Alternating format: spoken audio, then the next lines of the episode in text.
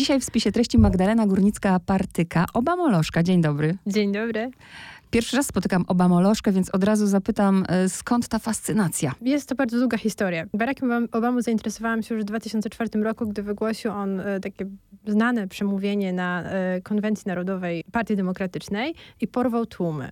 Porwał całą Amerykę świata może jeszcze wtedy nie, ale no było to przemówienie, które zostało zauważone. Od tej pory zwróciłam uwagę na, na, na, takiego polityka, który później został senatorem i tak naprawdę, kiedy jeszcze, e, gdy ogłosił swój start w wyborach, mało kto dawał mu szansę, bo startował przeciwko Hillary Clinton, ale jak pokazała historia, pokonał Hillary Clinton i został prezydentem USA, więc jest to bardzo długa historia i już wyprzedzając tak naprawdę Sama historia Baracka Obamy jest bardzo długa, o czym możemy przeczytać w jego właśnie wydanej książce. Dokładnie rok temu w lutym ukazała się książka Michelle Obamy, Becoming. Y, I tak pomyślałam, że, bo teraz tak, to było rok temu, teraz 12 lutego ukazuje się wznowienie książki Baracka Obamy o dziedziczone marzenia, spadek po moim ojcu w tłumaczeniu Piotra Szymczaka dodam.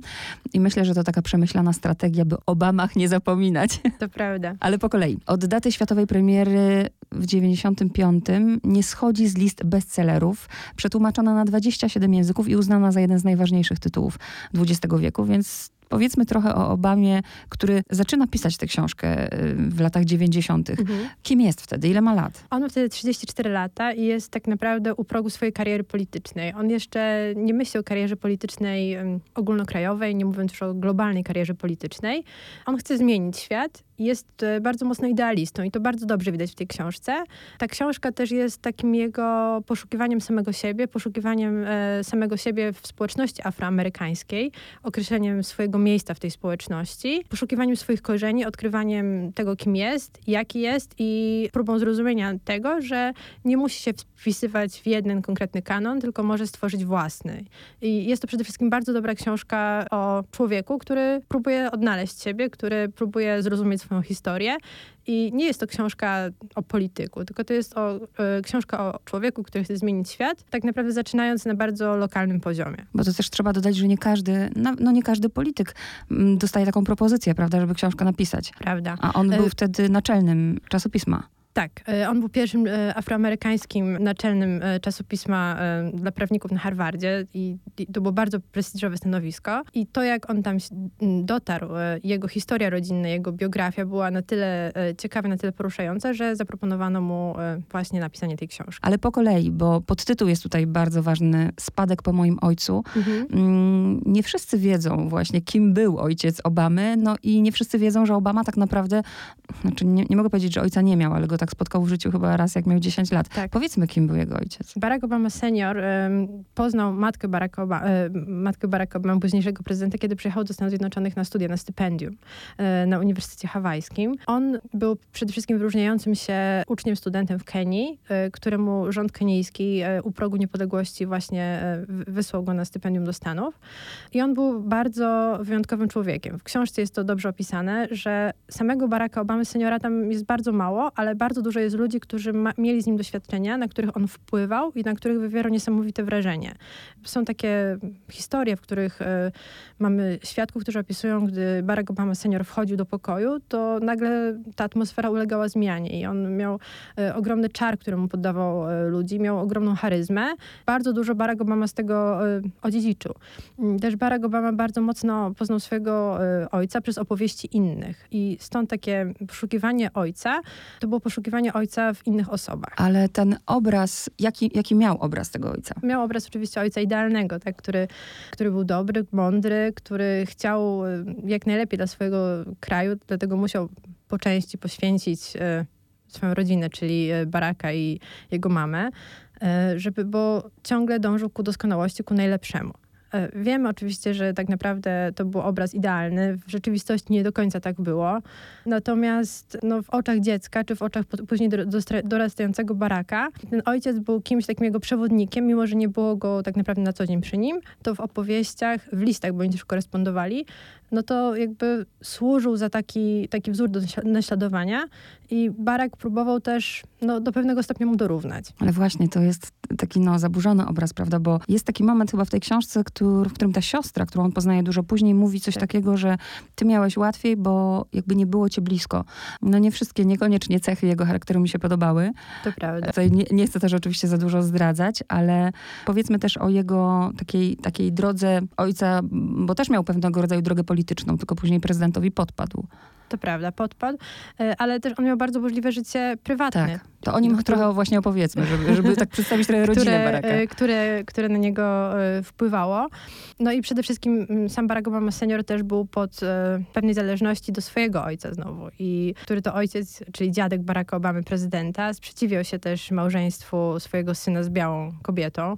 Więc tutaj mamy, mamy ten taki zgrzyt. Gdzie wydawałoby się, że mogłoby być odwrotnie, prawda? Dokładnie, gdzie tak naprawdę wtedy w Stanach e, małżeństwo międzyrasowe no, było postrzegane jako coś zupełnie nowego, a też w wielu Stanach, jeszcze wtedy, kiedy rodzice Barack Obamy, Obamy brali ślub, to było w ogóle prawnie zakazane. Więc wydawałoby się, że to jakaś e, opozycja wobec tego związku mogła być ze strony rodziców mamy Baracka Obamy. Tymczasem właśnie dziadek z Kenii sprzeciwiał się temu małżeństwu. Barack Obama senior miał już wtedy żonę w Kenii, która e, tak naprawdę, z którą niby był w separacji, ale nie do końca, no bo to był ślub wioskowy, więc nie, nie było na to żadnych dokumentów. No i to była bardzo skomplikowana sytuacja, w której postawił swoją nową amerykańską żonę, z którą się później rozstał, żeby ożenić się po raz kolejny. No i tak naprawdę no Barack, Barack Obama senior był dumny ze swoich dzieci, bo później z kolejną żoną miał też, e, miał też kilkoro dzieci. Natomiast wydaje mi się, że ten barak był dla niego takim najjaśniejszym światłem też dlatego, że był daleko i dlatego mhm. też, że, że dorastał jednak w Ameryce, która cały czas dla Kenijczyków no, była tym ucieleśnieniem amerykańskiego snu. Więc to, że, że jego syn mógł tam dorastać, sobie dobrze radził, nie wiem, w szkole, no to było dla e, Barack Obamy seniora szczególnym e, powodem do dumy. To właśnie idealizowanie było obustronne, można powiedzieć. To prawda. E, w, w, żadnym innym kraju na ziemi moja historia nie byłaby możliwa, tak Barak właśnie pisze. To rzeczywiście nietypowe. Biała dziewczyna, i czarny e, student z Kenii w tamtych czasach. A powiedzmy o dzieciństwie Baraka, bo to dzieciństwo spędził z ojczymem. Tak, spędził e, z ojczymem w Indonezji. To też było dla samego Baracka Obamy no, ogromna szkoła życia, ponieważ było to zupełnie inne społeczeństwo niż, e, niż społeczeństwo na Hawajach, które było dosyć cieplarnianymi warunkami w porównaniu powiedzmy z całą nawet Stanami Zjednoczonymi ówczesnymi. Panowała tam też większa tolerancja, co można było wyczytać tak naprawdę z książki Baracka Obamy. Natomiast w Indonezji musiał musiał zderzyć się z inną kulturą, z innymi tradycjami, z innymi tak naprawdę sposobami życia na co dzień. Nie do końca też, kiedy już się zaczynał odnajdować, to y, jakby w jego życiu następowały zmiany, które, y, które go popychały gdzie indziej. I w pewnym momencie matka Barack Obama zadecydowała, że lepszą edukację, lepsze szanse tak naprawdę na przyszłość będzie miał, kiedy zamieszka z powrotem w Stanach, na Hawajach z dziadkami, niż jeśli pozostanie z nimi w Indonezji, no bo po pierwsze tam było trochę niestabilnie politycznie wtedy. Jakby nie było takich szans y, na edukację, na późniejsze studia jak, jak w Stanach, stąd taka decyzja, a nie inna. I też będąc w Indonezji, Barack Obama musiał się nauczyć bardzo mocno samodyscypliny, ponieważ on wtedy, żeby no, tak naprawdę złapać poziom e, amerykańskich szkół, musiał jakby sam, nad, e, sam nadrabiać ten materiał i każdego dnia e, mama budziła go o czwartej rano, żeby siadać do lekcji. I opisuje to tak, że to była taka pierwsza mocna szkoła samodyscypliny, która później oczywiście przydała mu się w kolejnych, w kolejnych latach życia. I to też jest pewna cecha, która się pojawia przy okazji Baracka Obamy seniora, że on też bardzo mocno sobie narzucał samodyscyplinę właśnie w takich kwestiach edukacyjnych. I to jest coś, co, co na pewno łączy obu obu panów. Właśnie ten, ten fragment, o którym pani mówi, ja na niego bardzo zwróciłam uwagę, bo kiedy przeczytałam, przeczytałam biografię Michelle Obamy i Baracka, to pierwsze co pomyślałam, że, że te biografie są takie idealne, że oni mają takie ciepłe, mhm. kochające rodziny, wspierające, że to tak nie może być, że to jest zbyt idealne. Ale kiedy się właśnie wczytać i, i pomyśleć, że młodego chłopaka matka budzi o czwartej rano, żeby się uczył angielskiego, to już takie idealne to nie prawda, jest. To prawda. Tylko faktycznie trzeba się w to wczytać. Barak też pisze, że nauczył się jakby no, cały czas przechodzić między tym, tym czarnym i białym światem. Czy on doświadczył dyskryminacji? Tak, na pewno. No. Nawet do, do, już w trakcie swojej kariery politycznej, na, na, nawet kandydując na urząd prezydenta, do, doświadczył dyskryminacji. I co ciekawe, Barack Obama jest taką osobą, która była postrzegana nie do końca e, z zaufaniem tak naprawdę przez obie strony barykady. Bo dla niektórych jako Afroamerykanin budził jakieś obawy czy, czy stereotypy. Natomiast dla samych Afroamerykanów był no, nie do końca czarny, no bo wychowywany przez białych dziadków, miał e, białą matkę. Jego ojciec nie był Afroamerykaninem, tylko studentem z Afryki, więc nie miał, e, nie miał w ogóle tego dziedzictwa e, niewolnictwa w swojej historii rodzinnej. I nie był do końca postrzegany jako autentyczny przez społeczność afroamerykańską. Stąd duża rola Michelle, E, no, mhm. która e, miała tę, tę autentyczną historię e, swojej rodziny, jako takie uwiarygodnienie go wśród społeczności afroamerykańskiej. Więc jako osoba czarnoskóra wychowana przez białych dziadków czy białą matkę, nie miał łatwo też jakby wśród Afroamerykanów. To jest też ważne, że właśnie, żeby podkreślić, że to jest właśnie wznowienie, że tutaj jakby nie znajdziemy już tego, tego życia wspólnego z Michelle, mhm. tylko książka jest podzielona na trzy części. Najpierw jest opisane dzieciństwo, później ten okres chicagowski, o którym zaraz powiemy i ta jego podróż po latach w poszukiwaniu tożsamości do Kenii. Do Kenii. Właśnie, powiedzmy coś o tym okresie chicagowskim. Dla mnie to jest w ogóle najciekawsza, e, najciekawsza część tej książki, dlatego że ona trochę stworzyła Barack Obama jako polityka. Tak. E, pokazała, że nie liczą się tak naprawdę jakieś wielkie czyny, wielkie gesty, tylko liczy się rozmowa z ludźmi na możliwie lokalnym poziomie i działanie tak naprawdę tu i teraz. Budowanie takich społeczności, które później później bardzo mu się, to doświadczenie bardzo mu się przydało jako, jako politykowi i w trakcie też jego kampanii politycznych. I takie budowanie społeczności jeszcze wtedy, no tak naprawdę bez wykorzystania żadnych e, narzędzi e, cyfrowych, które wykorzystał później w kampanii e, prezydenckiej, no to tak naprawdę mechanizm był ten sam. To jak on budował społeczności przy parafiach w Chicago, w taki sam sposób były budowane społeczności jego poparcia w kampanii w 2008 roku już z wykorzystaniem mediów społecznościowych. Więc mechanizm działania był ten sam. Wiedział, jak rozmawiać z ludźmi, wiedział, jak angażować mikrospołeczności, że te mikrospołeczności mają ogromną siłę przebicia. A powiedzmy też coś o kobietach, bo na przykład ja tego nie wiedziałam, być może nie wczytywałam się dokładnie mhm. w biografię wcześniej, że był związany z białą kobietą. Tak, był związany z białą kobietą, ale to też było na takim etapie, kiedy on jeszcze nie do końca, odna- znaczy kiedy on próbował odnaleźć siebie jako afroamerykanina. Patrząc na ten związek, on powiedział, że dopiero y, związek z Michelle dał mu takie poczucie jakby zakorzenienia w tym byciu afroamerykaninem. Natomiast tak, no, no był, był y, związany z białą kobietą, ale zauważmy, że to jest dla niego zupełnie coś naturalnego. To już nie jest tak, coś takiego przełomowego, co było udziałem jego, jego rodziców. I to też pokazuje, jak bardzo Ameryka się zmieniła przez to jedno pokolenie. No ale też to ona odeszła od niego, prawda? Bo czuła, że to nie jest jej świat. Tak, to nie jest jej świat, ale to już wtedy, to już był ten okres w życiu Baracka, kiedy on bardzo mocno dryfował w stronę bycia pełnoprawnym Afroamerykaninem, odnalezienia siebie, własnego głosu i jakby, no, no nie było już tutaj dla niej niestety miejsca. Niestety, mm. niestety, no bo dzięki temu poznał Michelle.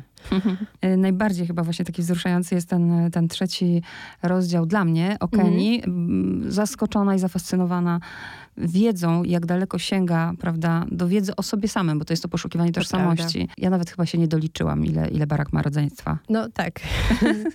E, w ogóle ciekawe jest dla mnie to, że on e, przede wszystkim potrafił zbudować więzi z tym rodzeństwem, tak. że to nie było tak, że aha, po, po, poznaliśmy się po latach, tylko że oni przez, przez ten czas mieli, wcześniej już mieli kontakt i że dla niego to było zupełnie naturalne, że on został przyjęty jako jeden z nich, jak, jako osoba, która wróciła po prostu z długiej podróży, a nie jak ktoś zupełnie obcy z innego świata. Więc jakby pokazuje to, że po pierwsze ta jego rodzina jest bardzo otwarta i bardzo chętnie go przyjęła i była bardzo, y, traktowała go po prostu jako, jako jednego z nich.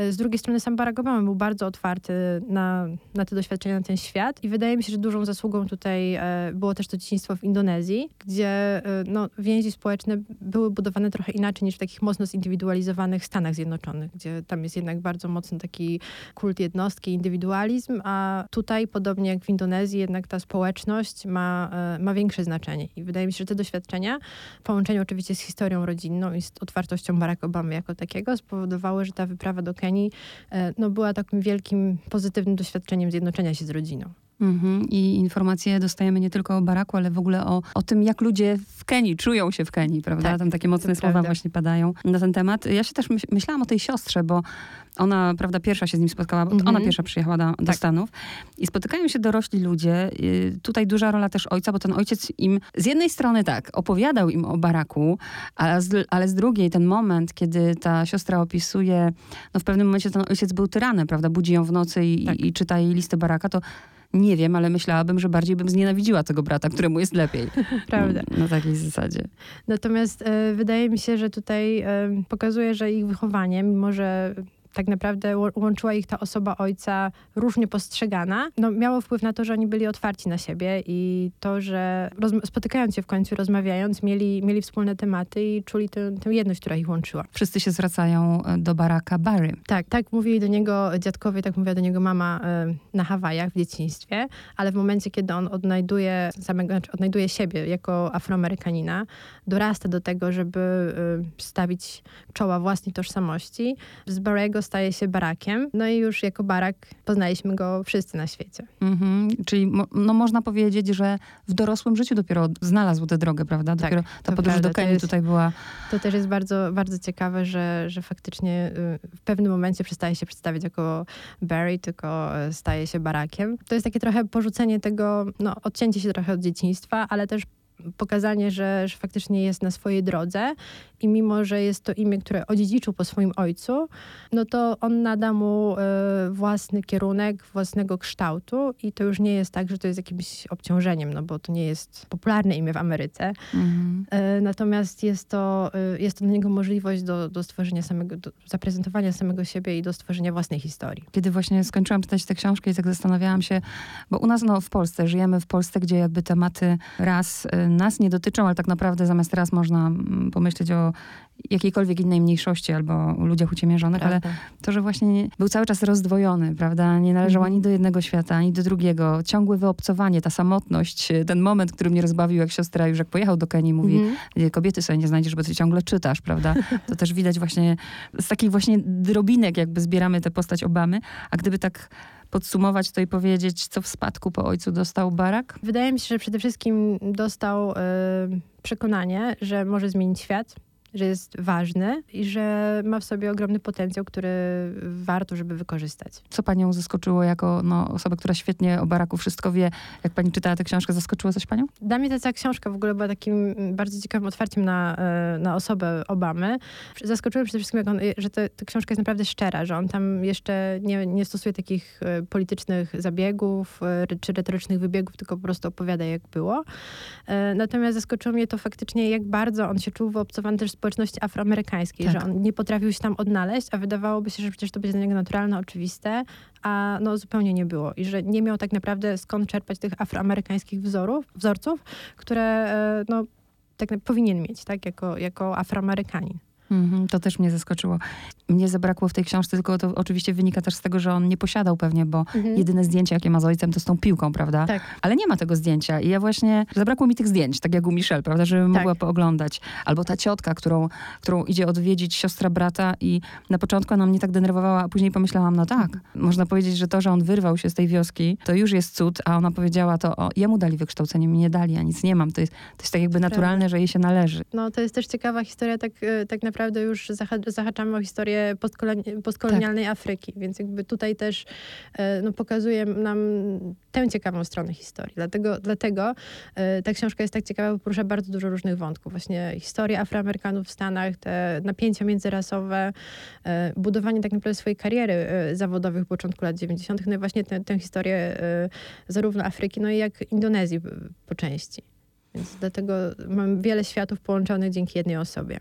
A pani tak śladami Baracka Obamy na co dzień też tak wędruje? Była pani w Kenii?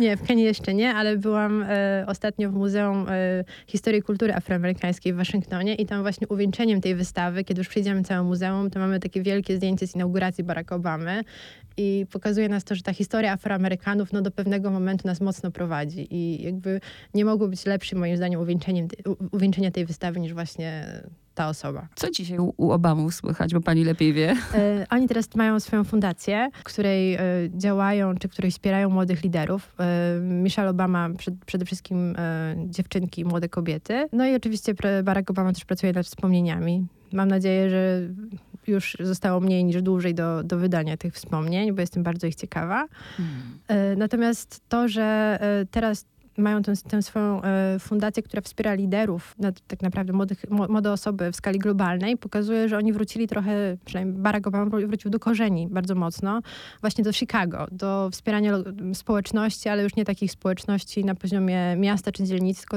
w skali globu, bo ma taką możliwość, ale pokazuje też, że wracamy do tego tematu społeczności, że tak naprawdę na poziomie społeczności możemy e, zmieniać świat i wspierając te społeczności, możemy faktycznie zaprowadzić realną zmianę na skali globalnej. Magdalena Górnicka-Partyka, Obamolożka była moim gościem. Dziękuję bardzo. Dziękuję bardzo.